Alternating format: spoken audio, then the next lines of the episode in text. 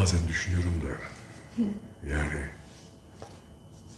bak depremden sonraki akşam televizyonda böyle kanalların arasında gezerken bir korku filmi çıktı karşıma. Ben normal korku filmini sevmem. Hele ki bizim o Türk korku filmleri işte Dabbe, Siccin, Evet. işte Cinci Amca, Eti Cin filan böyle hani bütün cinli tarzı filmler büyük ihtimalle çocukluktan beri hani olan şeyle böyle hani hiç hoşuma gitmiyor. Geliyor. Neyse açtım bir tane televizyonda öyle bir cinli film vardı. Bir tane abla var. Ee, bu abla cinmiş meğersem. İşte bir çocuk esirgeme kurumu gibi bir şeyin başındaki işte şey işte tipik işte gözleri arkaya doğru devriliyor filan böyle, böyle tipik hani madem cinim demek ki gözüm devrilsin filan ondan sonra normalde bakarken böyle kazara baksam bile tüylerim diken diken olur umurumda bile olmaz. Yani bir tarafta hayatın orada yaşanan, yaşanan berbat bir gerçekliği varken Evet. Hani kim sever cini oldum yani. Yani varsan da peki varsın da bileyim yani git bir halta yer orada insanlara yardım et. Birini be diye korkutmaktan başka bu dünyadaki amacın buysa zaten sen bu dünyadaki cehennemini yaşıyorsun zaten. Aynen.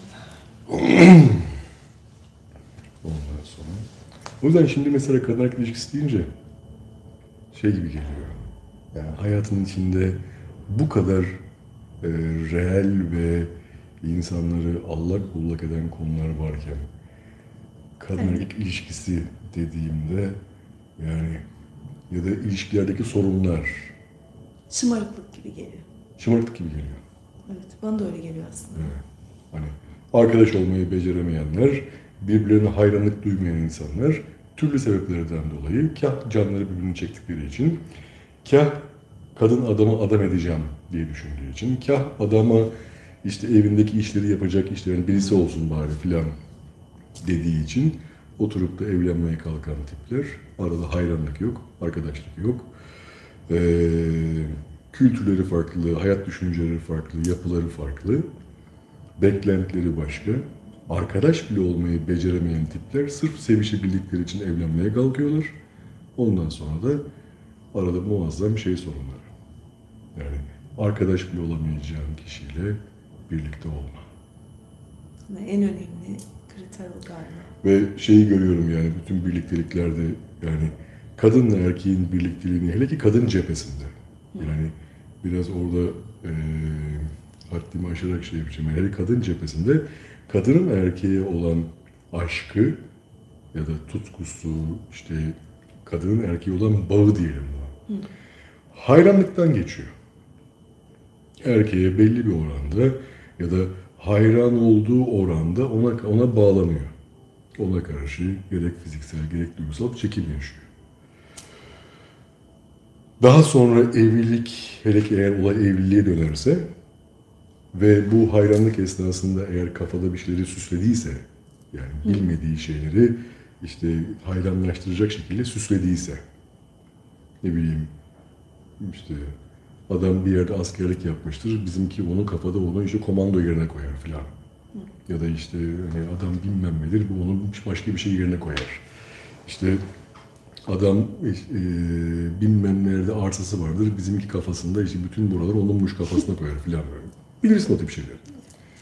Gerek fiziksel, gerek duygusal, gerek mental, gerek zihinsel, gerek yeteneksel olan şeylerini eğer onları köpürttüyse, böyle cilaladıysa, gözüne daha parlak gözükecek hale getirdiyse, ki kadınların çoğu bunu yapıyor. Daha sonra evlilik oluştuğu zaman, ben de evlenir misin? Evet evlenirim. Hadi gittik balayına. 15 gün aa, çok güzel zaman geçirdik. 16. gün karşımda acıkabilen, şikayet edebilen, pis kokabilen, eee işte kredi kartı eksisini ödemek için gelir gider dengesini ayarlamak zorunda olan ya da işte bu konuda işte mırınkır edebilen, ne bileyim arabayı çizersen işte laf söyleyebilen, yemek eğer soğuksa ya da sıcaksa işte huysuzluk yapabilen, eee klozetin kapağını kapatmayı unutabilen, yani ulan hani benim hayran olduğum kişi? Yani bu benim hayran olduğum adam değil ki. Değişti bu. Hayır değişmedi. Sen onu kafanda süslemiştin. Zaten öyleydi o. Zaten öyleydi o. Tamam belki olduğundan sana daha da cici gözüktü sonuçta. Bütün bütün ürünler vitrinde daha cici gözükür. Yani bu Instagram bu yüzden tutuyor zaten. Sana daha cici gözüktü. Ee, senin de ihtiyaçlarını, bu konuda ihtiyaçların, isteklerin, ihtiyaçların vardı. Bu güzel onu cilaladın, parlattın. Ama aynı eve girdikten sonra istediğin şeyleri yapmadığın zaman ya da o senin istediğin şeyleri yapmadığı zaman gerçek hali açığa çıktı. Baktım ki aa huysuzmuş, aa işte mızmızmış ya da aa şikayet ediyormuş. Ondan sonra sonra bir bakıyorsun kadının 15 gün sonra, bir ay sonra, 6 ay sonra hop şey düşüyor. Hatta bunu eskiden Next'te çalışırken çok denk gelirdim. O, orada Türkiye'deki ofiste 400 tane kadın çalışıyordu. Böyle 10-15 tane erkeklik, 400 tane kadın vardı. Böyle sanki şey gibiydi yani eee nasıl diyeyim kadınlar kuaföründeki şey gibiydi. Her taraf kadın doğru. Yani bütün muhabbet zaten şey üzerine yani kadınsal konular. İşte saç, baş, bilmem ne işte ağda, epilasyon, şu bu laflar havada uçuyor. Ondan sonra evlenenleri görüyorsun böyle evlilik, evlilik planları yaparken kızlar nasıl enerjik. Allah'ım her akşam servise biniyor işte gidip işte ayrı bir mobilya alıyorlar, ayrı bir eşya, ayrı bir bilmem ne. Bütün böyle molalardaki sohbetleri pıtırcık aşk ve işte yani evinin kapısının kulbu, evinin perdesi, evinin halısı, işte müstakbel erkekine aldığı işte pijamanın püskülü falan. Bütün böyle hani cici cici. Sonra bizimki evleniyor çok güzel. 10-15 gün arazi. 15 gün sonra geliyor. Eee Necla nasıl bir evlilik? Evlilik işte. Sen ne zaman 15 günlük evliliğini kaşar bir hale getirdin de evlilik işte haline getirdin? Nasıl oldu bu iş? Yani berbat bir şey yaptın. Arkadaş bile olamayacağın kişiyle süslü bir gelinlik süreci yaşamak için gittin evlendi. Geçmiş olsun. Ve burada geçmiş olsun derken bu gibi konularda Necla'lara çok üzülmüyorum. Ahmetlere Necmilere çok üzülüyorum. Tabii. Necmilere çok Onlar açısından nasıl peki? Daha bayım, daha trajik. Daha bayım. Yani eee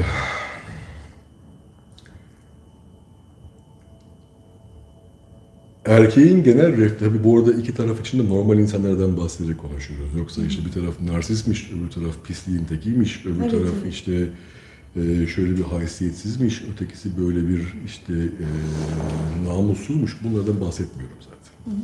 Yani tırnak içinde normal olarak adlandırılabilen işte yolda gördüğümüz işte yurdum insanından bahsediyorum. Normal bir erkek için de olur para kazanmam lazım. Çünkü normalde bir erkeğin e, erkek kendi değerini kendisi belirleyemez. Yani ben şöyle kıymetliyim, böyle kıymetliyim, böyle güçlüyümdür, böyle aslanım, böyle kalkmanım dediğin zaman gerçek dünyada e, adama gülerler. Sen bir erkek olarak kendi değerini kendin belirleyemezsin. Senin söylemlerin bunu desteklemez. Hiçbir işe yaramaz. Ben şöyle güçlüyümdür, böyle güçlüyümdür, duran toplara çok iyi vururum. Bu ancak avcı e, gazinolarında, avcı şeylerinde yapılan yalanlar gibidir yani. İşte ne bileyim havaya atış ettim, beş tavuk birden vurdum falan gibi böyle gereksiz hani salakça yalanlar gibi olur. Erkeğin değerini ortaya çıkarttığı şeyler gösterir. Çalışması, para kazanması, e, ailesini koruması, e, yani bir yandan bir işi kuzu gibi olması, gerekince bir aslan gibi olması, işte bir merdivenden inerken kadının önünde inmesi, çıkarken arkasında çıkması, kapıyı açması, e, korunacak bir şey olduğu zaman ortaya çıkması, yolda yürürken işte yol tarafından yürüyüp kadını e, kaldırım tarafında tutması, bir şey için gerekirse kendi çocuğu ya da kendi kadını için canını ortaya koyacak olmaktan çekinmemesi filan gibi bir sürü bir şey var.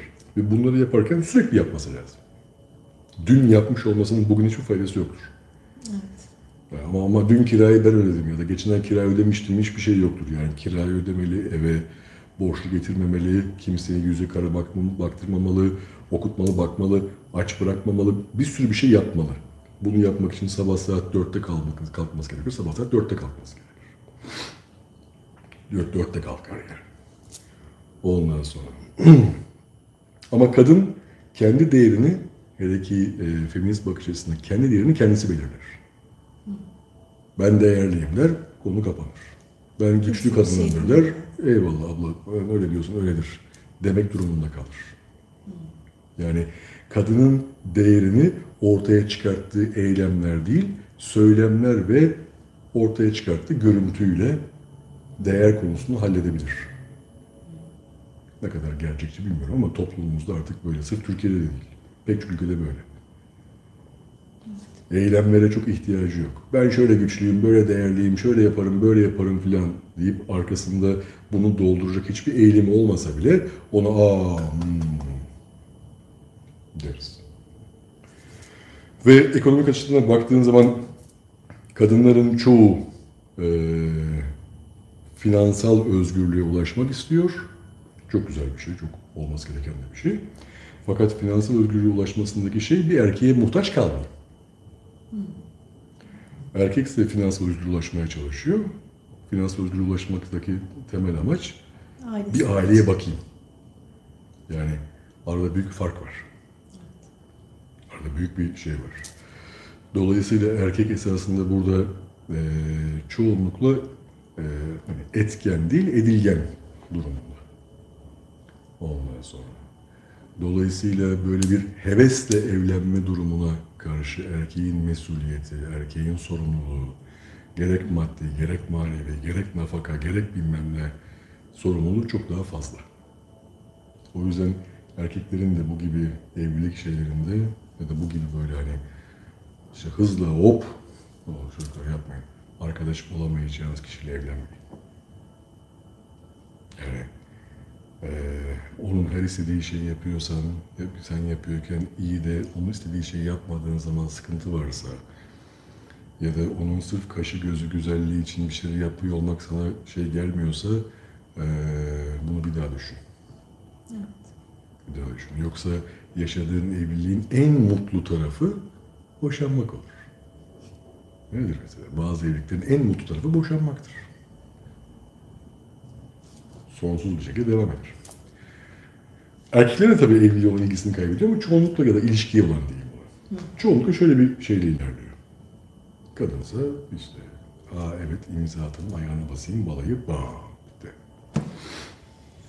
Ondan sonraki hayatının geri kalan tarafını e, eğer evliliği bitirmediyse e, eşine saygı duyarak yani nefret ederek ve onu adam etmeye çalışarak geçiriyor. Erkek adam, ed- adam edilemez. Böyle bir şey yok. Değil mi? Hiç kimse hiçbir erkeği adam edemez. Yani zorla adam edemezsin bir adamı. Hatta zorlu olunca daha Tabii çok tabii. olmaz. Yani suçla da adam ede, cezayla da adam edemezsin bir insanı. Bir erkeği. Olmaz. Ee, talimat vererek, emir vererek, doktrinler açıklayarak kimseye şey olmaz. Bunu ancak ancak çok saygı duyduğu birisinin yapmasına izin verir bir erkek. Tırnak içinde komutan olarak adlettiği ya da ne bileyim eee bilge olarak adlettiği yani emrine saygı duyduğu, saygı duyacağı birisinin ancak bu gibi söylemlerine eyvallah diyebilir. Bunları benimseyebilir. Onun dışında bir erkeğe zorla, e, hele ki bir kadının hiçbir şey yaptırmaya şey yok. Yapacağı varsa da yapmaz. Yapacağı var. Ben de aynısını mesela. Yani bana sen öyle yapacaksın, böyle yapacaksın de yani eğer aksini yapmazsam o gece uyuyamam. Bana güzellikle bir sürü şey yaptırırsın. Ee, ama benim hatamı yüzüme vurarak şey yaparak yaptıramazsın yani. Yani çok güçlüsündür, şöyle güçlüsündür, böyle güçlü kadınsındır, osundur, busundur. Ee, sözün bütün kedilere geçiyordur, bana geçmez. Ya bana derken kendimi kastetmiyorum. Erkek. Erkeğe geçmez söz. Yani mutsuzluğu garantilemiş olursun. Belki de sır orada işte. Yani geçinmek anlamında. İşte arkadaşlık ve hayranlık. Evet. Yani e, arkadaş olabileceğin, bizde hatta çocukluğumuz zaman hep şey vardı. E, mesela arkadaş, ona arkadaş gözüyle bakmak. Ona arkadaşım olarak, yani arkadaş o. Bir kere erkeğin kız arkadaşı olmaz. Yani kadın arkadaşı olmaz. Ee, yani kimse de var demez, şey demesin yani. Hiçbir kadın da benim işte Ahmet benim çok yakın arkadaşım demez. Ya ara Ahmet'i. Ee, seni çok özledim. Dün akşam rüyamda seni gördüğümde bak Ahmet hemen ilk topladığı çiçekte senin kapına gelmiyor. Yani denemesi bedava. Yani, hani hiçbir erkeğin kadın arkadaşı olmaz. Kendi bilen bir erkeğin. Her zaman için şeyde bekler böyle. Hani kapının arkasında böyle kapı bir parça açılır mı acaba diye bekler. Ondan sonra nereden geldik buna? Sır belki de bu Heh, arkadaşlık. O yüzden yani bizim eee, hani genel yetişme şeyimiz hani arkadaşlık bambaşka bir şeydir, işte ilişki bambaşka bir şeydir. Tamam peki, okey ama arkadaş olamayacağın birisiyle ilişki kurmaya kalkma. Evet. Çünkü eee, ilişki bir tahammül sürecidir. Yerine göre çok güzel olabilen bir tahammül sürecidir. İçinde çok güzel anlar yaşarsın, sıkıntılı anlar yaşarsın, üzülürsün, kızarsın, eee, büyük bir haz alırsın, keyif alırsın, keyif verirsin, seversin, sevilirsin, kızarsın, kızdırırsın. Ama bir yani türlü türlü tahammülün olduğu bir süreçtir ilişki. Eee, benim yani ya bir borderline veya bir bipolar olacağım. Sevindim, kızdım. Bugün üzgünüm, yarın mutluyum. İşte bugün moralim iyi, yarın moralim kötü. Bugün bana kötü davrandı, yarın iyi davrandı. Bak, habire bir patolojik durum sergiliyorum. Bak ilişkilerin büyük çoğunluğu. Bugün bana bunu söyledi, bugün çok kötüyüm. Bana çiçek aldı, çok iyi. Yanağımdan öptü, çok işte çok iyiyim. Sürece bakın. Ha, surat astı bana çok kötü. E sen yani eee, çok güzel bir patoloji yaşıyorsun. Adına ilişki demişsin, sevgililik demişsin, evlilik demişsin ya da ne dediysen bir isim koymuşsun ama sen bir bipolarla borderline karışığı bir şey yaşıyorsun. Yani. Bir gün iyisin, bir gün değilsin, bir gün iyisin, bir gün değilsin. İyi olman için bekliyorsun ki bugün de bana iyi davransın, bugün de o da diyor ki bana iyi davransın, öyle olsun ki böyle olsun. Bak haberi bir patoloji yaşıyorsun. Buna can mı dayanır? Bu patolojiyi ortadan kaldırabilecek olan bir şey varsa eğer bu ancak arkadaşlıktır. Benim sana tahammül göstermemi sağlayan şey bu arkadaşlık ve sana duyacak olduğum hayranlıktır. Bir enerjik yaptığı zaman onun bildiği vardır diyebiliyor olmamdır. Onun canı sağ olsun diyebiliyor olmamdır. Ya da niye bunu yaptın, öyle mi yaptın, böyle mi yaptın diye sorgulamıyor olmamdır. Zaten arkadaşlığı sağlayan şey budur zaten. Sen arkadaşın dediğin kişiye bunu niye yaptın, böyle yaptın diyorsan ona kötü hissettirmeye çalışıyorsun. O arkadaşlık değil, o da başka bir tür ilişki yaşıyorsun demek. Resim büyüğüne bakmak lazım aslında sürece. Yani bir gün kötü oldu da üstünü çizmek değil de sürece bak. Arkadaşlıklarda da böyle ya. Evet, evet ama burada şey de var bu arada. Kadın arkadaşlığıyla erkek arkadaşlığı çok farklı. Evet. Yani bir sürü, hatta bu karikatürlere bile konu olan bir şeydir. Kadın yanındaki kadınla işte şeyle ay canım cicim nasılsın çok tatlısın sen ay ne kadar güzel olmuş makyajın ay saçın çok yakışmış filan sen çok kilo mu verdin aa filan der. O kadın dönüp giderken diğerine ay uyuz oluyorum şu kaşara filan der yapıştırırlar. Erkeği arkadaşlığı ise çoğunlukla tam tersi. Yanındayken işte Neyse o değil mi? düz gideriz. İşte hakaret ederiz. Vay öküz lan hayvan herif. Şunu niye dikkat etmedin filan deriz. Arkadan giderken de ya sağlam delikanlı. deriz. yani çünkü böyle bir kavram var. O yüzden kadının arkadaşlık kavramıyla genel arkadaşlık kavramıyla erkeğin genel arkadaşlık kavramı da farklı. Hatta çok sık duyduğum bir laf var. Ee, kadınlardan duyuyorum. Benim arkadaşım hepsi erkek. Yani kadınlara katlanamıyorum diyorsun yani esasında. Sonuçta arkadaşlık kavramın zaten baştan oturamamış. Birbirine katlanamayan bir grup içerisinde büyümüşsün. O yüzden hani arkadaşlık dediğin şey esasında gizli flörtleşmeni, flörtleşmeyi arkadaşlık olarak değerlendirmiş. Ee, arkadaşlıksa benim senin çok sorgulamıyor olmam. Sana kendini çok kötü, sana kendini kötü hissettirmek için açığını aramıyor olmam.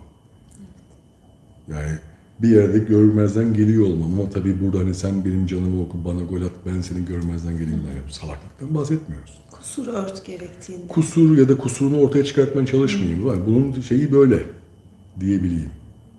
Niye bana böyle yaptı, bana böyle yaptıysa kesin aklımdan bu geçti, öyle oldu, böyle oldu diye kendi içimdeki e, kendi duygusal travmalarımı ya da kendi içimddeki işte düşünceleri ya da şeytanları ona mal etmeye çalışmakla arkadaşlık yürümez zaten.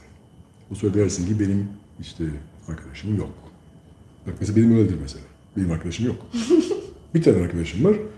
Ondan sonra hani onu da diyorum zaten yani ben diyorum senin en iyi dostun. Sen en iyi dostum değilsin. Hani iyi arkadaş öyle olmaz. Sen benim tek arkadaşımsın. yani yoksa şey hani e, seni seçtiğim için ya da bu yüzden arkadaşımsın. Ya da denk geldiği için. Hani hayat kader bu şekilde getirdi. Artık sen rezil bir şey dahi yapıyor olsan işte bir hafta on gün işte canımı sıkmış olsam da seninle tekrar görüşmeye devam ediyorum. İşte evet. Heh. Yoksa bana bunu niye yaptın, bunu açıklığa kavuşturacağız, anlat bana bunu bilmem ne bıdı bıdı bıdı bıdı demiyorum. Çünkü arkadaşımsın sen benim. Yani saçma sapan da olsan yerine göre bazı yaptıkların sen benim arkadaşımsın. Bitti. 10 yılda görüşmesen bir daha muhabbetin devam ediyor. Ha, sen benim arkadaşımsın. Evet. Yani e, bu kavramı bu kavramı yaşayabilecek olduğun karşı cinsle e, ilerliyor, ilerliyorsan arada bir de hayranlık varsa çok güzel.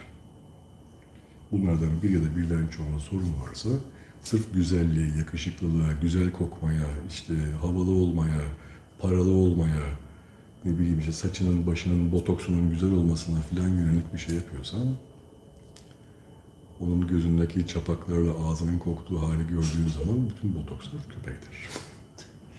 Neydi bir laf vardı. Aklıma gelmeyecek. Birazdan gelir, geldiğinde söylersin. Yani güzel e, huya doyulmaz ama güzelliğe doyulur gibi bir şey. Hani diyelim ki birisi çok güzel. O laf öyle değildi de Hı. kız çok güzel diyelim. Hı hı. Hani bir gün hayran hayran bakıyorsun ama ertesi gün öyle bir huyu suyu çıkıyor ki ortaya gözüne hiç de güzel görünmüyor. Ya zaten eee, güzellik erkek için katlanabilirliği arttıran bir şey. Bu şaşma yani bu net bir gerçek. Eee kadınlar da bunu biliyor. O yüzden makyaj yapıyor. O yüzden olduklarının daha güzel gözükmeye, olduklarının daha güzel hale gelmeye çalışıyorlar. Bilindik, bilinmedik, doğru, yanlış bir sürü yöntem bunu yapmaya çalışıyorlar. Daha yapamadıysa Instagram'da filtreyle bunu yapmaya çalışıyor. Çünkü erkek güzeli gördüğü zaman toleransı, tahammülü, e, bütçesi daha çok artar. Bu yani zamanın başından beri bilindik bir şey. Ama bunun bir limiti var. Yani düşünsene gözleri güzel. Bir limiti var. Yoksa üç tane gözü var filan. Yani Hani ya da ne bileyim işte gülüşü öyle güzel ki iki tane ağzı var filan. Hayır bunun bir limiti var. Sen eğer davranışlarınla ya da birbirini tahammül edemiyor olma kavramıyla, kötü hissettirmeyle bu limiti aştıysan bunun artık bir şeyi kalmadı. evet Yani. demek istiyorum. Aynı şey erkek için de geçerli. İşte yakışıklı adam, şöyle adam, böyle adam ya da işte parası var. Bunun bir limiti var. Berbat davranıyorsa ya da işte kadının ihtiyaçlarını karşılamıyorsa bilmem neyse ya da o ihtiyaçlarının tam tersini şey yapıyorsa bu, bu bir yerde şişecek bu. Zaten bu böyle olduğu için, bu riskler olduğu için imza atılır. E bunu söyledim yani insanlar birbirlerine eee, güvenmedikleri zaman imza atarlar. Yani bir enayilik olursa en azından gideceğimiz bir mahkeme olsun filan demek için imza atarsın. Yoksa niye imza atayım ki ben sana yüzde yüz güveniyorsam? Benim mesela çocuklarım aramda hiç imza yok. Babalık sözleşmesi diye bir sözleşmemiz yok yani. Ya da ne bileyim hani okula da mesela e, öğretmenine imza attırmıyorum. İyi öğretmen olacağım yoksa şudur budur filan diye. Yani güvene dayalı bir ilişkimiz var. Yani o yüzden imza yok. Ama evlilikte güvene dayalı değildir. Hukuka dayalıdır. O yüzden imza atılır. İşte sorumluluklar ve yükümlülükler şey yapılır. Yoksa güvene dayalı olmuş olsa, yani bu konuda güven olmuş olsa, bu limitler, sınırlar olmayıp Benim da sözüm insan- senettir diye. benim sözüm senettir diye şey yapıyor olsa Bir sürü senet dağıttılar da gitmiş adam bu sefer. Güzelmiş. Bilim sözümüze. Bak gördük şeyi. Kimi? Ee, müteahhitleri, Hmm. belediyeleri, Ya evet. hükümeti, sözüm senettir diyenler, o senetler ee, kimlere mezar oldu. Güvene dayalı. Maalesef. Evet. Yani ilişkileri böyledir. Güvene dayalı değildir. Değildir. Yoksa niye imza atalım ki? Gerek olmazdı. Tabii ki imza atmalıyız. Yani yoksa evliliğe karşı olduğumdan değil. Yani. Eee, ama yani eğer zamanın en başından beri konsept böyle olmamış olsaydı yani bir eee evlat çocuk ilişkisi gibi, öğretmen öğrenci ilişkisi gibi güvene dayalı olmuş olsaydı zaten şeye gerek kalmazdı. Değil mi? Mesela ben o çocuğu okula yazdırınca bana demiyorlar, yarın göndermeyeceğin ne malum demiyor bana mesela. Güvene dayalı Evet, evet. yani. Ama ötekisinde yarın eve gelmeyeceğin ne malum. Bak demek ki güven yok. Sözleşmeye dayalı olmak zorunda.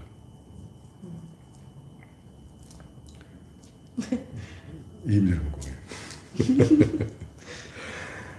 yani eee ilişkiler hayatın kalitesini ilişkilerin kalitesi belirliyor ama bir taraftan da bakıyorum hayatının kalitesini aslında bence benim bakış açıma göre iç sesin belirliyor. Nasıl yani? Ses, iç sesim var. Hepimizin içinde bir iç ses Var. var. Hı. Konuşuyor bizimle. Bazen doğru söylüyor, bazen yanlış söylüyor, bazen işte abartıyor, bazen başka bir şey yapıyor. Ama güvenebilecek olduğum tek şey o. Seninle alakalı ya da benimle alakalı bildiğim tek gerçek, tek dayanak iç sesim. Yoksa öbür türlü başkalarının iç sesini duymuş oluyorum. Başkasının iç sesini kelimeye döküyor, bana söylüyor, ha diyorum. Ya kendi iç sesimi dinlerim ki herkesin sesi var ama çok azı dinler. Ya da başkasının iç sesini dinlerim. Onun iç sesi dışarıya çıkar, onu duymaya başlar. Kendi iç sesini dinle. Şey çok karıştırılıyor ama. Kadınların hepsi yani benim hislerim çok kuvvetlidir diyorlar ya. Hı hı. Bütün tanıdığım kadınlar bunu söylüyor. Ee, o karışabiliyor. İşte iç sesini dinlemeyip de kafada kurduğun ama iç ses diyorsun. Hı. İşte onu ayırt etmek lazım. Hatta Güzel söyledin. e, kalpte de şeyler var. Nöronlar varmış. Bir çalışmada Evet, çıktı. evet, işte evet. orayı dinle. Yani kurup inanmak istediğime Sanse ben şöyle düşünüyorum. İç sesini dinle ama sırf kulak ver değil. Dinle. Evet, evet, evet. De ki bir ön yargım var. Dedin ya hani kadınlar ben hissediyorum dedi. Evet. İşte sen eee hani galiba burada şeyi kastediyorsun. İşte Necmi beni aldatıyor gibi, bir şeyi. Ha, veya o İç sesin böyle mi söylüyor? Boşan bacım. İç sesini dinle. Sırf duyma. dinle. Aynen. Dinle iç sesini. Hissettiğin şey Necmi'nin seni aldattığı mı? Boşansana o zaman. Dinle şu iç sesini. Evet. Sana söylediği şey %99 doğrudur. Doğru değilse de sen onun bunun yaptığını düşünüyorsan o ilişki senin için bitmiştir zaten. Kafanda sen o adamı başkasının üstünde, altında canlandırdıysan bitti o ilişki zaten.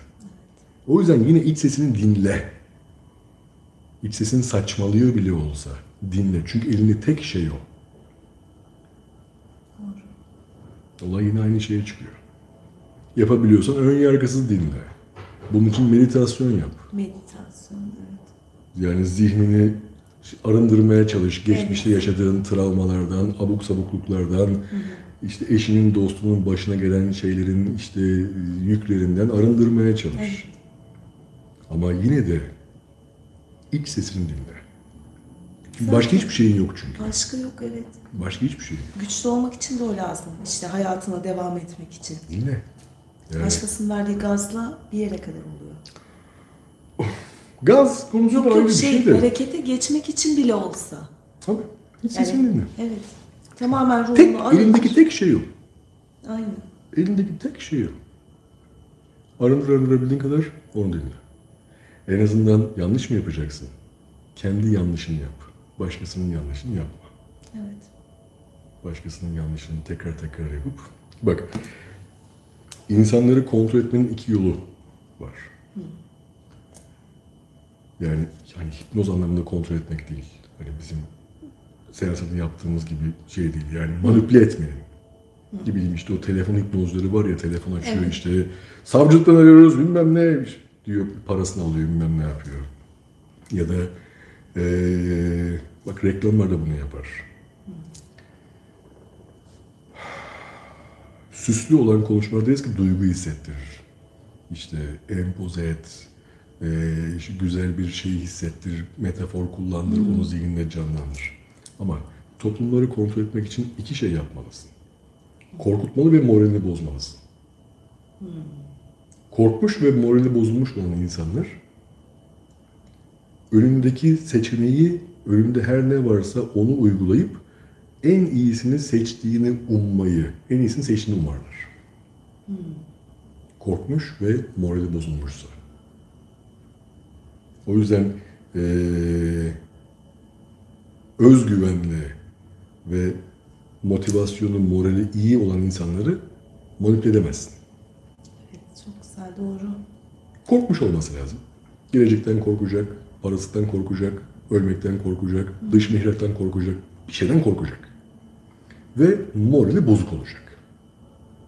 Yani öyle hani tamam bir yandan kendini işte iyi hisseder ama hani morali bozuk olacak. Bozuk morali ve korkmuş insana verdiğin seçeneği uygular. İç sesini kapatır, senin sesini kullanmaya başlar. Mesela o telefonda da onu yapıyorlar. Savcıdan arıyoruz, bilmem ne yapıyoruz, adınız işte Evet. terörle adlandırılıyor, bilmem ne, şu bu korkuttum. Bunu hemen yapmazsak başına daha çok bela gelecek, şu olacak, bu olacak, moralini de bozdum. Karşındaki çok yetkin birisi bile olsa bir bakıyorsun, senin oltana geliyor bu sefer. Evet. Çünkü korkuttun ve moralini bozdun. Yani. eee, o yüzden mesela devletler eee, özgüvenli ve eee, nasıl diyeyim morali bozulmayan insanlarla başa çıkamazlar. Bütün bak böyledir. Örneğin bir zamanlar Kuzey Avrupa ülkelerinde eee, işte ferah pardon refah refah çok arttı. İşte az çalış, çok para kazan. Çalışmasan da para kazan. Emekli olduğumu dünya gelecek kadar paran olsun. İnsan hakları, sen çalışma ben sana para vereyim. Hiç dış mihrak da yok zaten. Düşmanımız yok ki bizim. Zaten işte NATO, AB filan bilmem ne. Hollanda, Danimarka, işte Finlandiya filan gibi Kuzey Avrupa ülkelerinden başlayarak çok neydi? Refaha erdiler. İngiltere'de İRA e, silah ateşkes yaptı. İngiltere refaha erdi. Ondan sonra. Sonra ne oldu? Hepsi dağıldı. Japonya. Efsane oldu İkinci Dünya Savaşı'ndan sonra. Almanya efsane oldu ki bakarsan Japonya bu dünyada atom bombası düşen tek ülke. Almanya'da bu dünyada hem Amerika'nın hem Rusya'nın saldırdığı tek ülke. İkisi de yoktan efsaneye çıktılar. Sonra dağılmaya başladılar. Çünkü artık eee, para kazanmak olacak mı olmayacak mı? Mortgage'ımı ödeyebilecek miyim? İşte sağlık, trafik, kaygı, endişe olacak mı olmayacak mı? Dolar mı gider, mark mı gitsin, euro mu gelsin?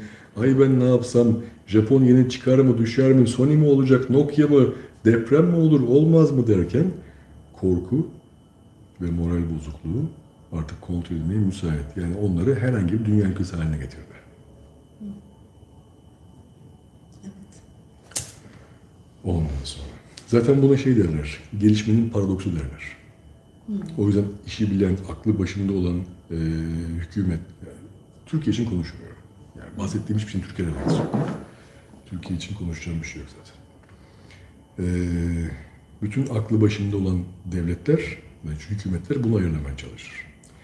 refaha ulaştırayım ama çok da refaha ulaştırmayayım. Çünkü çok refaha ulaşırsa kontrol edemem. Vergi vermez bir kere. Yani hani de ki mesela işte sen çalışma ben sana para vereyim falan değil. Bu adam niye bana vergi versin ki? Niye benim kurallarımı yerine getirsin ki? Benim kurallarımı yerine getirmesi için korkuyor, çekiniyor olması lazım. Bir sınırı bilinci olması lazım. Bir yerden birisi gelecek gidecek falan bak ben seni koruyorum ha olmam lazım. Benim seni koruyacağım kimse yoksa sen beni dinlemezsin ki. O yüzden korku ve moral bozma.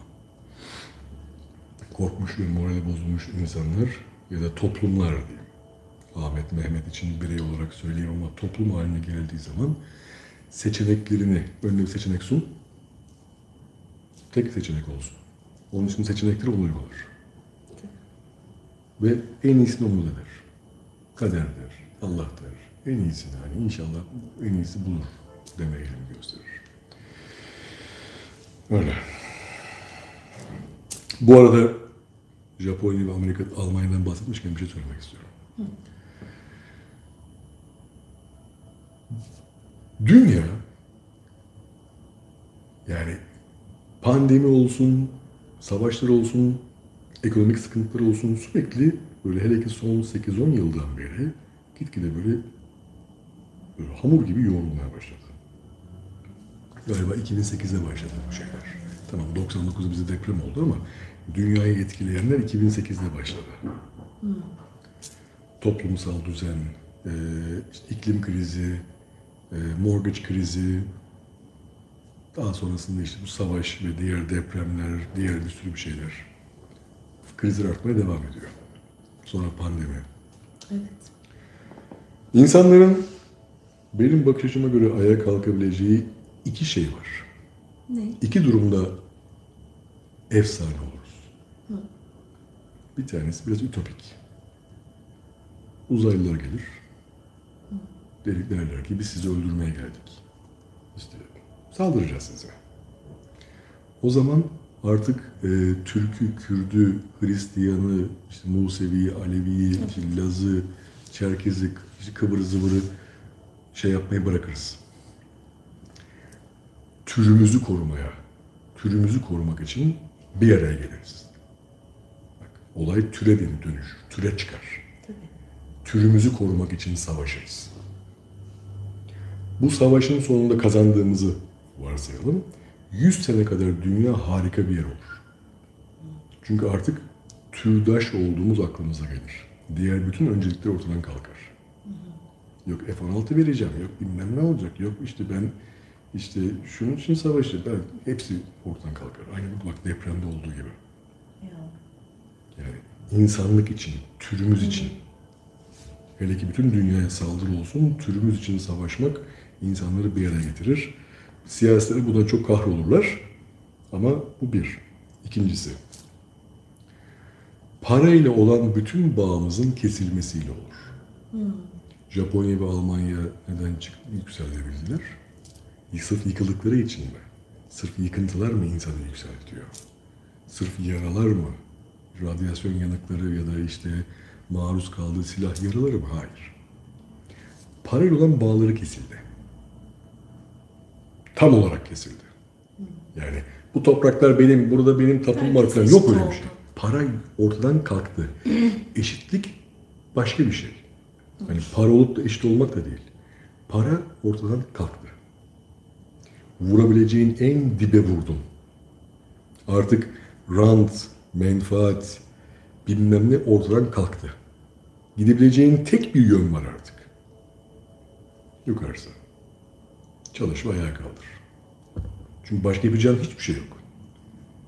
Bak topraklarında altın, elmas çıkan ülkeler bunu yapamadılar. Uganda, Ruanda bilmem ne parayla bağlantını kesemediler. Toprağın üstünde açlıktan bin parça da olmuş olsalar toprağın altındakiler onun paraları, onların parayla bağlarının kesilmesini engelledi. Hatta bilakis daha da bozuldular. Elmas çıkacak, altın çıkacak, o çıkacak, bu çıkacak derken sağdaki yarısı soldaki yarısını vurmaya başladı. Ama Almanya öyle değil. Japonya öyle değil. Birinin depremden başka bir şey yok. Ötekinin de yıkıntıdan başka bir şey yok. Kassan kassan. Seçenek yok. Seçenek yok. parayla bağın kopmuş durumda. 100 milyar markın da olsa ancak sobada yakarsın ki o gerisini sabah ıstır. Ya. Bitti. Bak bize ne oldu? Parayla bağımız kesilemedi. Evet. İşte nakliyeciler fiyatı arttırdı. Ev sahipleri kirayı arttırdı. Bak, parayla bağ kesmedi. Maalesef. Olmadı. İşte adamlar eee, neydi o? Yağmacı. Yağmacılar şey yaptı. Parayla bağ kesilmedi. Ee, tabii Allah beterinden saklasın. Ama olur da günün birinde ne yazık ki parayla bağ kesilmesiyle mahvolmak gerekiyor. Ne yazık ki. Böyle iğrenç bir durum var yani. Evet ya.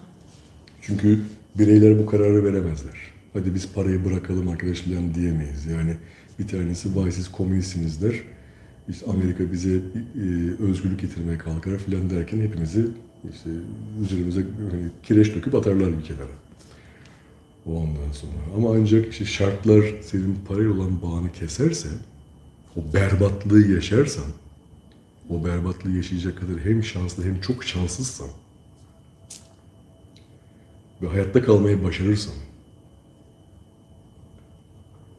ondan sonra çıkabileceğin tek yer ilerisi. Ha ne kadar? Çıktım, geliştim, işte Volkswagen'i kurdum, Opel'i kurdum, Audi'yi kurdum, Mercedes'i kurdum, Porsche'u kurdum, BMW'yi kurdum, Bosch'u kurdum, Ee, ne bileyim ee, başka? İşte. Kurdum kurdum kurdum. ABB'yi kurdum. Neyse kurdum. Artık ekonomi ya da işte silahlar ürettim, uçaklar yaptım, tanklar, leopard tankları bilmem ne. Tekrar paraya, parayla çalışan bir topluma dönüştüm. Yine aynı. İşte, işte gidecek olduğuma yine aynısı. Evet. Büyümenin paradoksu. Çünkü artık paraya muhtacım yine. İşte. O yüzden eee Hocam efendim, şey anlatır mısınız? Değerli kıymet. değerli Şimdi para, kıymet. Su filan diye böyle. o çok güzeldi çünkü bir kez anlatmışsınız. Tamam canım. Belki dinlemeyenler olmuştur. Değer. İnsanların büyük çoğunluğunun değer peşinde koştuğunu görüyorum. Ben değerliyim, değerliyim. Hatta kendilerine işte meditasyonlara şey yaparken bile arkadan bir tane böyle eee, romantik bir abla sesi çıkıyor. Ben değerliyim. Ben en değerliyim. Değer benim içimde. Falan. Değer. Değerin canı cehenneme. Değeri her zaman başkaları belirler. Bir kere başka bir abla sana diyorsa ki ben değerliyim, sen değerlisin diyorsa bak bu başkasının belirlemiş olduğu bir şey. Al bak. Dur bakayım. Cebimde ne var? Bırak. Bak ne güzel yapmışlar. Üzerine Atatürk'ün resmi de var. Sayın Atam. İşte üzerinde bu filigranlar, çizelgeler, yazılar, ışığa tutuyorsun başka bir şeyler var. Bak ne diyor burada? Bilmem ne 14 Ocak 70 bilmem ne kanununa göre çıkarılmıştır. Ben bunun burasında 6 tane sıfır olanları biliyorum. Ya. 200 mil, 200 milyonu biliyorum ben. Mi? Ya adamların birkaç tanesi oturup karar verir. Bunun sonra sıfır ekleyelim der. O parayı basarlar. Ötekisi yarın der ki arkadaş bu bu kadar dolar alsın der. Bunun değerini başkaları belirler. Biz de üzerinde e, hani Atatürk'ün resmine yüzü örmeyeten bunu harcarız. Ama bugün bir savaş çıksın, bir şey olsun ya da bir deprem olsun şey de kal. Bu hiçbir işe yaramaz. Ya. Çünkü bunun değerini başkaları belirler. Yakın zamanda birileri belirledi ve eee, ne kadar kalıcı olursa olsun hani ne bileyim bundan işte 100 sene sonra, 200 sene sonra bunu arasan bulamazsın. Şu anda Koleksiyonu. koleksiyonda bile bulamazsın. Şu anda mesela 200 bin lira ya da 100 bin lira parayı bulabilir misin bir yerde? Eskiden her tarafta onlar vardı. Evet. evet. Ben 1 milyonla ekmek almaya gittiğim zamanı biliyorum. Doğru. Şimdi kağıtın nerede olduğunu da bilmiyoruz. Yani hangi bankaya gitti, hangi bankonun tedavülden kaldı, hangisi yırttı, hangisi attı, yaktılar mı, yıktılar mı bilmiyoruz bile. Çünkü bu değerli kağıttır. Kıymetli kağıt değildir. Bunu kıymetli yapan Atatürk'ü tenzih ediyorum. Ondan sonra benim için onun kıymeti başka. Ama bunun alım gücünü belirleyen bunun değeridir. Evet. Şişman şişman amcalar otururlar bir yerde karar verirler. Bu borsada bu kadar olsun, bu kadar dolar alsın, bu kadar kakao alsın, bu kadar demir alsın, bu bu kadar yen eder bilmem ne diye. Onlar ona karar verir. Biz de şeyden televizyondan bakarız. Bugün bu para bu kadarlık değer kazanmış ya da bu kadar değer kaybetmiş deriz. Bu değer. Kıymet. Kıymeti başka kimse belirleyemez. Kimse suyun kıymetini belirleyemez. Ben dün akşam düşündüm suyun bundan sonra kıymeti yok filan diyemez. Kimse gidip de altının kıymetini belirleyemez. tamam bir değer biçmeye kalkarlar ama kimse onun kıymetini belirleyemez. Dünyada senden benden önce de vardı o maden, o metal. Senden benden sonra olmaya devam edecek. Ya da su. Yaptığı bir şey değil. Ben karar verdim. Bundan sonra Coca-Cola sudan daha değerli. Peki. Bir şişe olarak bakarsın Coca-Cola 20 lira eder. Su işte 2 lira 3 liradır. Ama su çok daha kıymetlidir. O yüzden değerin canı cehenneme. Eğer sen değer konusuna girmeye kalkarsan bunu her zaman başkasına bağlamak zorunda kalırsın. Necmi bana değer ver.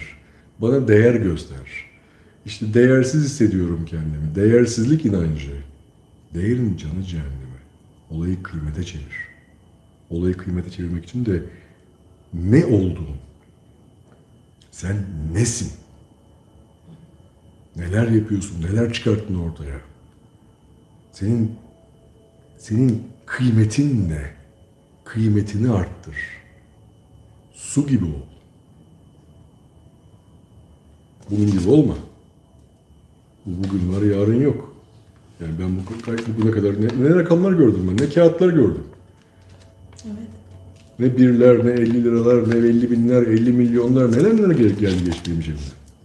Ki ben daha 48 yaşındayım yani benden yaşlı olanlar neler gördü.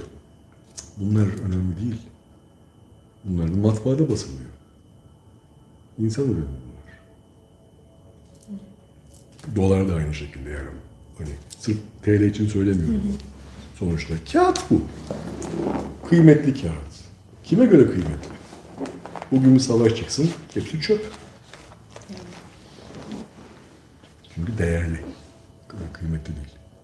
Kıymetli evrak diye bir şey yok. Değerli evrak vardır. Susuz kal günlerce. O susuz zaman kal, görürsün gününü. Otur parayı içmeye kalktığın zaman ne demek istediğimi anlarsın. Çünkü kıymet ve değer. O yüzden insanlar değer konusuna kafayı takarlarsa bunu her zaman başkasına bağlamak zorunda kalır. Kendi kıymetini kendin belirle. Duruşundan memnun değil misin? Git spor yap. Kilondan memnun değil misin? Diyet yap. Zekandan memnun değil misin? Kitap oku.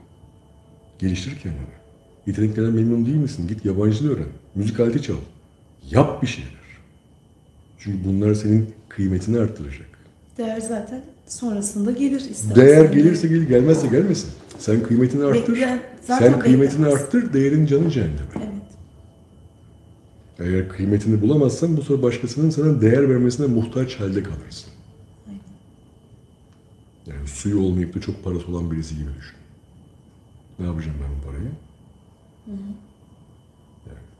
yani şey ekstrem durumları düşün. Yani savaş çıktı, deprem oldu, ha, pandemi oldu.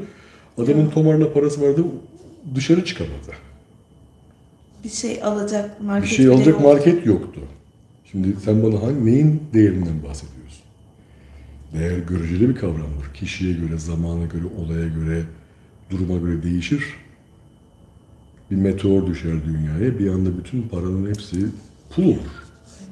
Ama su öyle değil. Çünkü su kıymetlidir.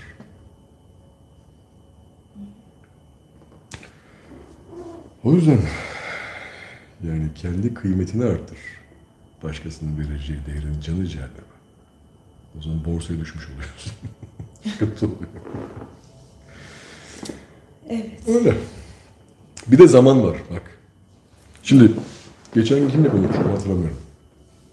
Eisenhower matrisi diye bir şey var. Bunu bazı eğitimlerde de gösteriyorum. Hatırlıyor musun? Evet. Bir tane çizelge var böyle. Bir de böyle çizelge var. Buraya önemliyi yaz. Buraya işte önemli ve acil yaz. Önemsiz ama acil yaz. İşte önemli ama acil olmayanı yaz. Önemsiz ve acil olmayanı yaz. Ne yaptık? Acil, acil değil, önemli, önemli değil. Bunların kombinasyonu. Bir şey acil ve önemliyse hemen yap. Hemen yap. Sakın başkasına bırakma. Sakın bir dakika bile oyalanma. Ama bunu yapmak için benim enerjiye ihtiyacım var. Bu enerjiyi elde etmek için de enerjimi verimli kullanmalıyım. Yani bir şey önemli ama acil değilse plan yapıp bırakmalıyım. İşte vize görüşmesine gideceğim. 1 Mart'ta çok önemli. Ama 1 Mart, bugün ayın kaçı? İşte bugün de 26'sı mı 20'si mi neyse acil değil. 1 Mart'ta bunu yapmak üzere planla ve bırak. Çünkü bırakmazsam enerjimi buraya harcamış olurum. Enerjimi buna harcamam gerekiyor. Önemsiz ve acil. Bakkaldan bir şey alacağım. Herkesin yapabileceği bir iş. Başkasına yaptır. Kafandan çıksın. Başkasına yaptır. Yani enerjini buna harcama. Çünkü senin enerjini önemli ve acil harcamak lazım. Bir şey önemsiz ve acil değil, hiçbir geri zekalının sana bunu yaptırması izin vermez zaten. O hem önemsiz hem de acil değilse bunu ne zaman harcıyorsun? Bunu yapmam lazım ki enerjimi önemli ve acilleri bitirmeye harcayabileyim. Spor yapmak önemli ve acil. Bunu yapmak için zaman kaybetmiyor olmam lazım. O makaleyi okumak önemli ve acil. O sınava hazırlanmak önemli ve acil.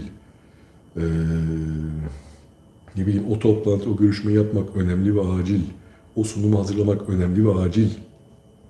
Bunun için enerjiye ihtiyacım var. Enerjimi o tabaka harcarsam nasıl önemli ve acilleri yapabiliyor olacağım? Sonsuza kadar yaşamak ister misin? Olsun sen. Bilmiyorum. Bilmiyorsun. Bütün yani sırf sen ben değil yani bütün insanoğlunun sonsuza kadar yaşamasından bahsediyorum. Ne dersin? Yaşlanmak yok böyle gidiyoruz işte yani. İstemem. Ben sorduğuma göre kesin isterim Kesin dersen bir şey altından bir şey çıkartacağımdır. Ondan sonra istemezsin. Güzel. Evet merak ettim onu. Ben de istemem. Ama istememe sebebim şu. Eğer sonsuza kadar ya da hani ya da çok uzun bir hayat şimdi bin sene yaşamak falan mesela. Çok uzun bir hayat yaşayabiliyor olsam bütün insanlık olarak önemli ve acil planımda hiçbir acilim kalmaz. Çünkü zamanım artık çok bol. Artık benim hiçbir acilim yok. Hiçbir zaman sınırım yok. Hiçbir odağıma, aklıma gelen bir şeyi hemen yapmaya ihtiyacım yok. Çünkü zamanım çok bol. Yani hevese, hırsa, eee, hayal kurmaya, hayalimi yerine getirmek için çabalamaya, sevdiğim bir şeye odaklanmaya, odaklanmamı sağlayan zamanımın sınırlı olması, aklıma gelen bir şeyi hemen yapmak istememi sağlayan zamanımın sınırlı olması, sevdiğime seni seviyorum dememi sağlayan zamanımın sınırlı olması. Yoksa niye bunları yapayım ki?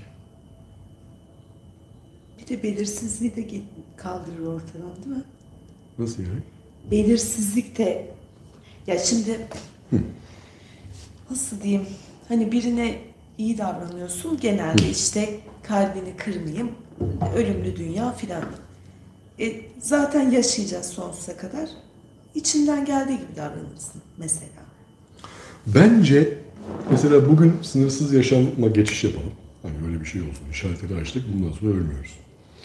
İlk birkaç ay ya da belki birkaç sene insanlık fenalaşırdı. İşte almaya, satmaya, çalmaya, çırpmaya, fenalıkları yapmaya. Nasıl olsa ölmeyeceğim. Nasıl olsa. Sonra 3, 5, 6 ay sonra bilemedim 1-2 sene kadar sonra eee atalet başlardı. Yolda birbirimizi görsek bile selam vermezdik. Değil mi? Evet, evet. Bir zaman sonra artık yani bir yarın daha var. Hani Evet. Amaçsızlaşırdım. Herhangi bir şeye odaklanmam gerekmezdi. Ne yapıyorsun? Hiç. Sen ne yapıyorsun? Ben de hiç. Yani yoksa onu yapıyorum, bunu yapıyorum, spor yapıyorum. Niye? E, niye? Düşünsene. Eisenhower matrisinde ben senin bütün acilini ortadan kaldırdım. Geriye kalan sadece önemli ve önemli değil. Ama ben senin bütün acilini ortadan kaldırınca her şey önemini bir süre sonra kaybeder. Düşün az önceki şey örneğinde 1 Mart'ta vize almaya gideceğim. E, seneye giderim Nasıl olsa zaman ya da 50 sene sonra giderim. Bak artık İngiltere gitmeme de gerek kalmadı. yaşlanmak da yok tabii. Tabii yaşlanmak, takılıyorsun işte öyle. İşte etrafta bir taş toprak gibi takılıyoruz. Ondan sonra. Dolayısıyla e, hayatta olan bağımı keserdi. Keserdi evet. Keserdi. Ortaya böyle hiçbir şey yapmayan, boş olarak yaşayan ki e, yani cennetteki insanların sıkıntılarını yaşamaya başladık işte. Bence cennet inşallah vardır. Olduğuna iman ediyorum. Ee, ama yani bayağı bir sıkıntılı insanlar grubu olacak orada yani. Ama cehennem, hani cehennem de sonsuzsa orası da orada olacağım mı? İşte ara sıra cehenneme gidip bakmaları gerekecek cennete gidenlerin. Cennetin kıymetini anlamak için ara ara cehenneme ziyaret turları düzenlemek gerekecek.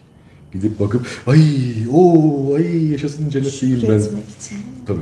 Yoksa bunu yapmadığı halde sadece şey olduğu halde eee sıkıntıdan patlarlar.